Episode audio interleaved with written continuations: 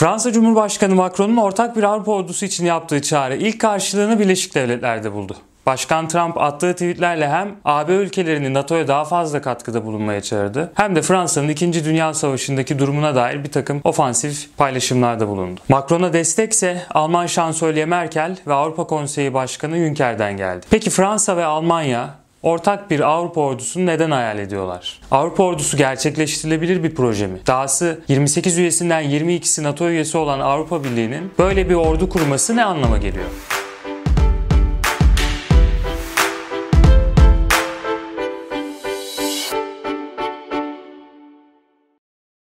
Trump'ın sıklıkla tekrarladığı, hatta Amerika'nın NATO'yu terk etmesiyle Avrupa ülkelerini tehdit ettiği bir konu var. Avrupa Birliği ülkeleri NATO'ya gerekli bütçeyi ayırmıyorlar. NATO üyelerinin ekonomik büyüklüklerinin %2'si miktarında bir bütçeyi NATO'ya ayırması bekleniyor. Fakat bu koşulu yerine getiren Avrupalı ülke sayısı 4. Ve bunlardan birisi zaten İngiltere. İngiltere birliği terk ettiği zaman Avrupa Birliği aynı zamanda en büyük ikinci ordusunu da kaybetmiş olacak. Yani NATO'yu bir kenara bırakıp Avrupa ordusu kurmanın pek de mantıklı olmadığını görüyoruz. Peki NATO AB nezdinde neden değersizleşti? Bunun iki sebebi var. Birisi hepimizin bildiği gibi Soğuk Savaş'ın sona ermesi komünist tehdidin bitmesiyle birlikte NATO AB'nin gözünde gereksiz bir hale geldi. İkinci sebep ise Avrupa'da askeri harcamaların gereksiz addedilmesi. Ekonomik istikrar için kullanılabilecek bir parayı askeriye harcamak pek de mantıklı gelmiyor. Peki madem askeri bütçeyi bu kadar kısacaklar, neden bir ordu kuruyorlar? Bu soruya verilen ilk cevap şu. Avrupalı ülkeler ABD'nin kendilerine patronluk taslamasından sıkılmış durumdalar. ABD'den bağımsız bir Avrupa ordusunun aynı zamanda ABD'nin rakipleri tarafından da desteklenmesini umuyorlar. Fakat hali hazırda mevcut olan Amerikan yardımını bir kenara bırakıp Hindistan'dan, Çin'den gelecek yardımlara bel bağlamak pek de mantıklı değil. İkinci iddia ise şu.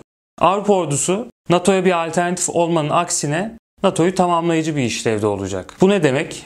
Şöyle bir durum var. AB üyelerinin askeri yapılarına baktığımız zaman lojistik anlamda çok büyük uyumsuzluklar görüyoruz.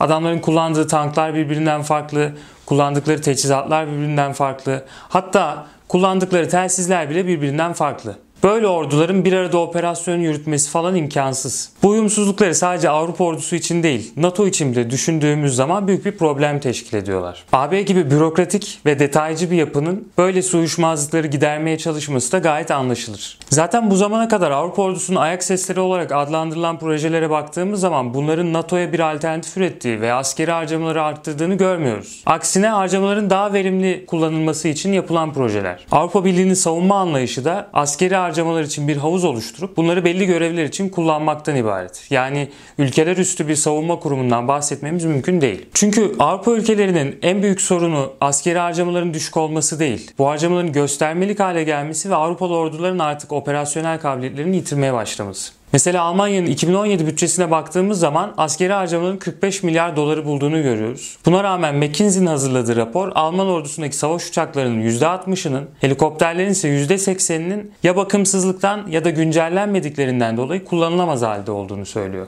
Yine meclisin yaptığı araştırmada Alman ordusundaki denizaltıların ve taşıma uçaklarının büyük bir kısmının NATO standartlarında olmadığını görüyoruz. Hatta Savunma Bakanlığı'nın hazırladığı raporda kullanılan yelekler ve kışlık giysiler gibi çok basit teçhizatların bile NATO operasyonlarında kullanılabilecek seviyede olmadığını gösteriyor. Avrupa ordusu neden gündemde sorusuna verilen üçüncü cevapsa şu. Brexit gibi, artan milliyetçilikler gibi Avrupa Birliği ruhunu sarsan gelişmelere karşı Entegrasyonu bir üst basamağa taşıyarak birlik ruhunu yeniden canlandırmak hedefleniyor.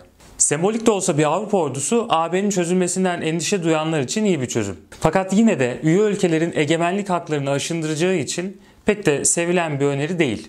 Zaten İngiltere gibi önemli bir askeri kuvveti kaybettikten sonra Avrupa için merkezi bir ordudan söz etmek pek de mümkün gelmiyor. Bunun yerine Avrupalı devletlerin askeri kapasitelerini ve daha önemlisi verimliliklerini artırmaya çalıştıklarını söyleyebiliriz. Siz yine de Avrupa ordusunun kurulup kurulamayacağına dair fikirlerinizi bizimle yorum olarak paylaşabilir. Videomuzu beğenip kanalımıza abone olabilirsiniz. İyi seyirler.